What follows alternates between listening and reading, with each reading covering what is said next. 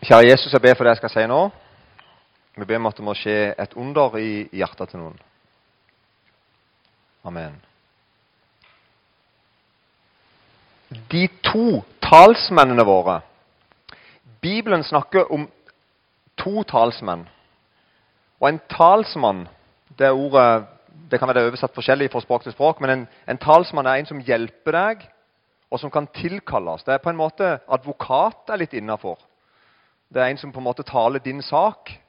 Men jeg tror det er mer enn bare en advokat. Altså han, det er en som blir tilkalt å redde deg ut av noe og taler din sak. Og han blir tilkalt for å gjøre det. Han forsvarer deg og er interessert i deg.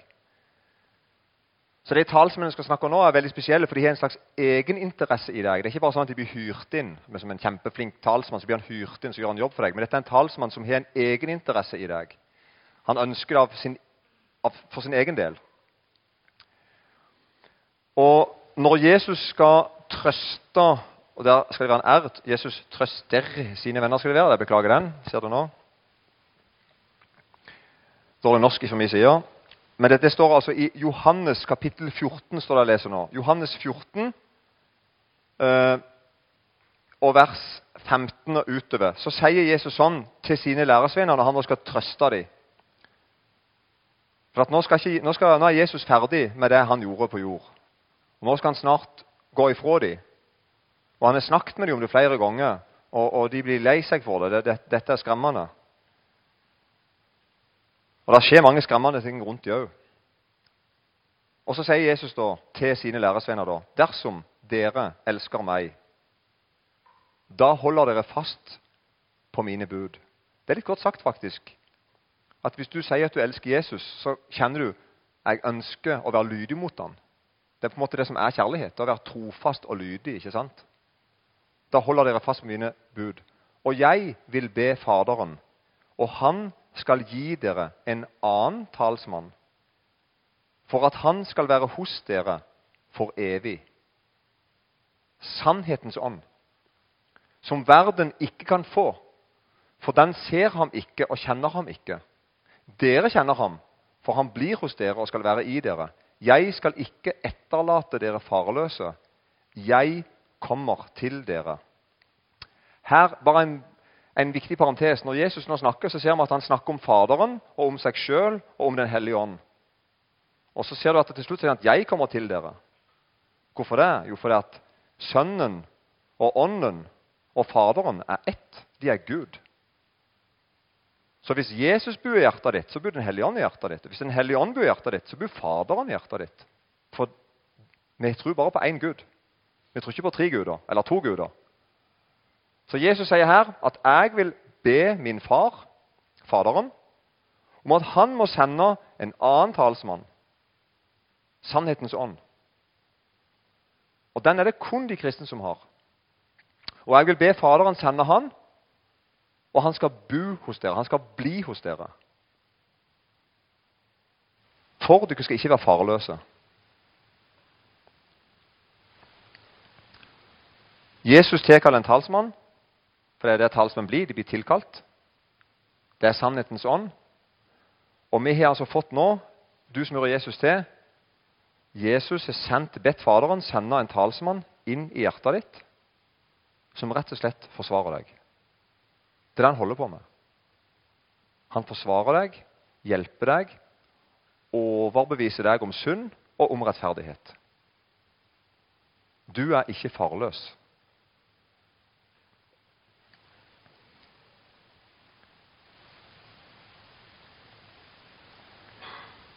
Litt videre i vers 23 i samme Johannes 14 fortsatt, vers 23. Jesus svarte og sa til ham, om noen elsker meg, da holder han fast på mitt ord, og min far skal elske ham. Og vi skal komme og ta bolig hos ham. Hvem er vi? Fader, Sønn og Helligånd. Vi. Gud bu i deg. Den som ikke elsker meg, holder ikke fast på mine ord. Så Det er på en måte forskjellen, sier Jesus. Det er noen som elsker meg. De holder fast på ordene mine. Og så er det noen som ikke elsker meg. De holder ikke fast på ordene mine. Den som ikke elsker meg, holder ikke fast mine ord. Det ordet som dere hører, er ikke mitt, men Faderens, Han som har sendt meg. Dette har jeg talt til dere mens jeg ennå er hos dere. Men talsmannen, Den hellige ånd, som Faderen skal sende i mitt navn, han skal lære dere alle ting og minne dere om alt det som jeg har sagt dere. Fred etterlater jeg dere. Min fred gir jeg dere. Ikke som verden gir, gir jeg dere. La ikke deres hjerte forferdes, frykt ikke. Og Nå er vi tilbake til jeg snakket om det der harmoniske mennesket. Gud er klar over det, at hvis du som hører Jesus til, nå skal på en måte driste deg til å leve et hellig liv mot på en måte alle odds, på en måte, mot alle tanker og drifter, og følelser og impulser og forstyrrelser, så er, så er Jesus klar over at jeg må, jeg må, gi deg en fred, en sånn en fred som ikke verden kan gi deg. Helst vil ikke dette funke for deg. Så jeg vil gi deg en, en overnaturlig fred. Jeg vil at du skal se forbi alle de tingene og holde fast på noe på en måte utenfor deg sjøl. Er du ikke med på dette her? Derfor sier Jesus 'min fred gir jeg dere'. Ikke en sånn en fred som verden gir. Ja, gir verden fred? Ja, i høyeste grad. I høyeste grad. Gir folk tippekampen og ei cola, så er de fleste fred. Så selvfølgelig, Fred kan veldig mange få. Så Jesus snakker ikke om en sånn en fred. Jesus snakker om en fred som er sånn at han, han tåler når du blir anklaga for noe galt. Han tåler når du må innrømme å ha gjort noe galt. Er det ikke med? Han tåler syndene dine. Han tåler sannheten. Så hvem er det Jesus skal sende inn i hjertet ditt? Hvor blir Den hellige ånd kalt her? Utenom talsmann? Jo, han blir kalt for sannhetens ånd. Det blir det bråk av. Når jeg putter sannhetens ånd inn i livet mitt og labber rundt der jeg bor, det er klart det blir bråk. Inni meg og utapå meg. Det kolliderer jo. Sant? Sannheten er her, og sannheten er der. Han bor her. Det er ikke sånn at jeg rundt om som har sanne meninger. Sannheten bor i meg. Han presser seg fram. Når Jesus eh, skal snakke om hvem disiplene er, så sier han at du ikke er som, et, eh, hva det står, som en by på en topp. Hva det står? Dere er verdens lys. Hvem kan skjule en by som ligger på en topp? ikke det står? Hva er poenget? at Jesus sier ikke det.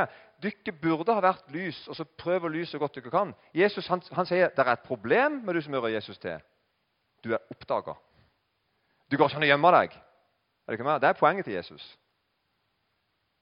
Glem det. Du er så, du er så tydelig noe annet enn det som hører verden til.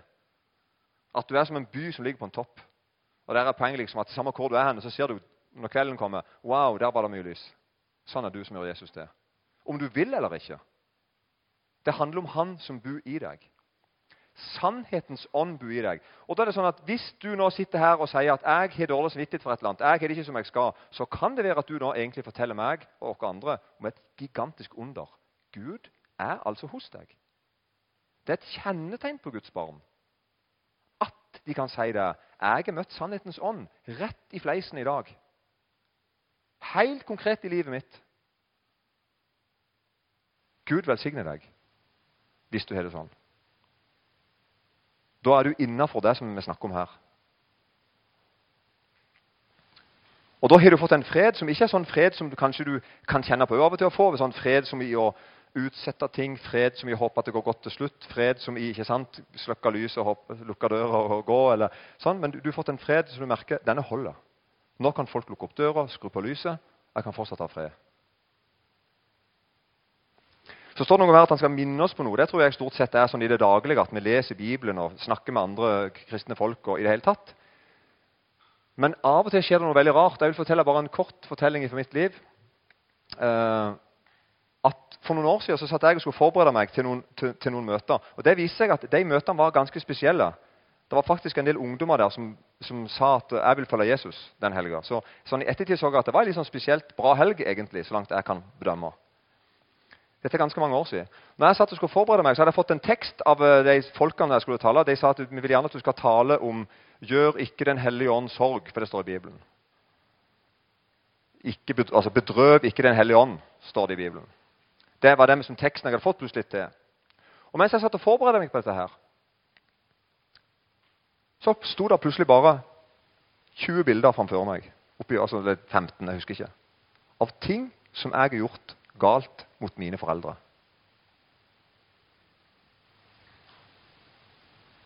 Og jeg tenker Hæ?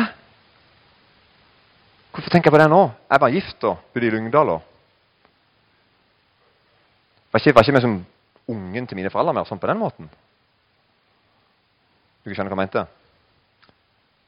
Og så tenkte jeg bare jeg går over ting og koker kaffe og en prins mild. Og så går dette over. Hvis ikke så må jeg ta en, kanskje en prins sterk. Uh, men det gikk over. Jeg gikk tilbake igjen og prøvde å forberede meg. Nei, der kom bildene opp. Jeg så helt konkret hva jeg gjorde. Jeg gjorde noe galt imot mor og far. Jeg trenger egentlig ikke si hva det var, for jeg, jeg gidder ikke. Det, for det, det er ikke poenget. Det var galt, det jeg gjorde. Jeg blir irritert. Jeg tenker, Hva er det her for noe? Det ender med at jeg var nødt til å gå opp til mine foreldre som voksen gift mann. Iallfall gift mann. Og innrømme hva jeg hadde gjort. Og det var helt greit for mor og far. Det var litt sånn kleint, men det var helt greit. Og, jeg, og, og de hadde tilgitt meg for lenge siden. Jeg til og de visste at jeg hadde gjort noe av det òg. Altså, helt ærlig. Så kunne jeg gå hjem igjen, og så kunne jeg forberede meg videre. i det jeg skulle si. Så på en måte var jeg fri der. på den. Jeg tror at det var Den hellige ånd som jobbet med meg med noe der. Litt fordi at den, I den teksten jeg, jeg skulle uh, jobbe med, så står det 'Gjør ikke Den hellige ånd sorg'. Hva det betyr? Jo, det betyr at når Den hellige ånd ikke får lov til å fortelle meg hva som er galt i livet mitt, så får Gud kjærlighetssorg. Det kunne ha stått 'Gjør ikke Den hellige ånd sint'. Det kunne ha stått det. Det kunne ha stått 'Gjør ikke Den hellige ånd vred'. Gud kan ha lov til å være det hvis han vil.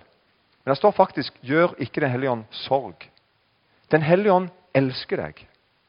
Den hellige ånd snakker med deg. Han ønsker at du skal holde Guds bud. Han ønsker at du skal få gjøre opp igjen med han og, kom, og ha samfunn med han. Derfor blir altså Den hellige ånd jeg skulle til å si, lei seg når jeg synder, og blir minnet på det og trakker videre. Gjør ikke Guds hellige ånd sorg. Den hellige ånd elsker deg. Han vil deg godt. Og jeg kan si at Når, når jeg gjorde opp med mor og far Jeg husker det ennå. Jeg får sånn ting, ting på pelsen. sånn. Når jeg om det, for Jeg husker hvor godt det var. Når jeg liksom gjorde opp med mor og far, kjente jeg åh, det var godt. Det var mye bedre å treffe dem gangen etterpå og gangen etterpå. Men Akkurat som vi hadde fått en ny greie. Det vil Den hellige ånd at du skal ha. Den hellige ånd vil at du skal ha det godt med vennene dine. godt med altså relasjonene du har. Helt klart. Han ønsker det for deg. Og mest ønsker han at du skal ha det innenfor Gud. Så er det ikke alle folk som vil tilgi deg, da. ikke sant? Nå hadde jeg gode foreldre som sa det var greit. Og Da får han en større utfordring. Men da sier Gud jeg vil gi deg fred for det. Jeg vil tilgi deg for det.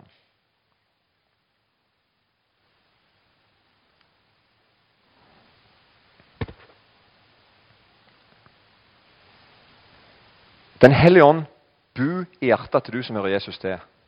Om du har vært kristen i ett minutt, eller i 28 år, eller i 60 år Akkurat det samme. Den hellige ånd bo hos deg. Han er aktiv der. Det er ikke hybelen hans eller feriehuset eller en plass han er innom av og til, eller på en måte kontoret, men det er tempelet. Du er tempelet til Den hellige ånd. Gud kan velge hvor han vil bo, og han velger to plass. Han velger å bo i himmelen, og så velger han å bo i hjertet ditt. Han foretrekker å bo i hjertet ditt. Han vil være der. Han vil jobbe med deg. Han vil elske deg. Han vil helbrede deg. Han vil gi deg frimodighet. Og han vil frelse deg. Den hellige ånd er min talsmann. Hvor lenge vil han holde på med det? For evig.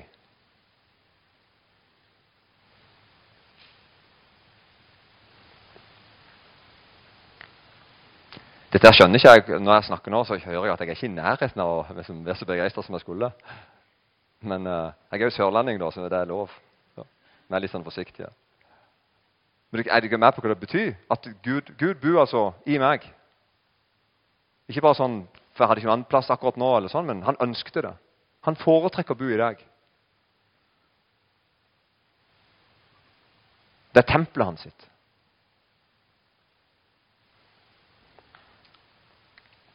Hvem er den første talsmannen? For dette var jo, Jeg vil sende dere en annen talsmann, sa Jesus. Hvem er den første talsmannen? Men på den, hvis, hvis Den hellige ånd er den andre talsmannen, som Jesus sier at han er, hvem er da den første? Jo, 1. Johannes brev kapittel 2 og vers 1-2. Mine barn, dette skriver jeg til dere for at dere ikke skal synde. Og hvis noen synder, har vi en talsmann hos Faderen. Jesus Kristus, den rettferdige.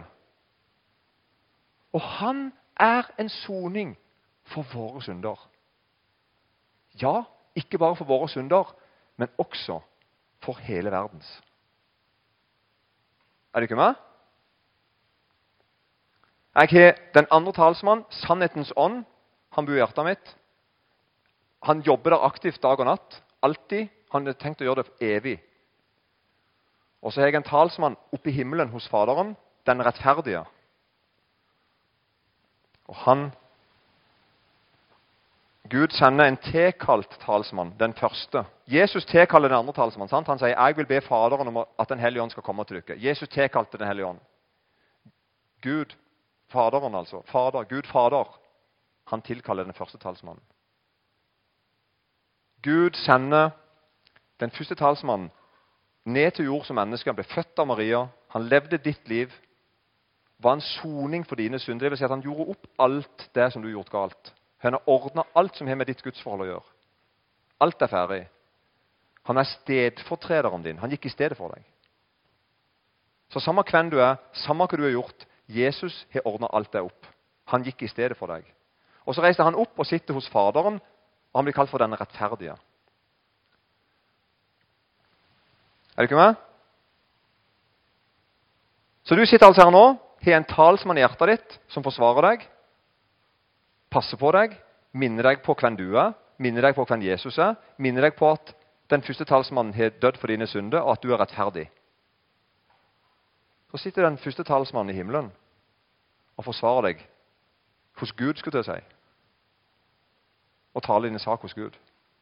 Og han venter på beskjed om å komme og hente deg. Snart skal du hjem. Det er klart Vi skjønner litt nok, for Paulus sier at ingenting kan rive meg ut ifra Gud. Vi skjønner litt hvorfor når Gud på en måte omringer meg på den måten.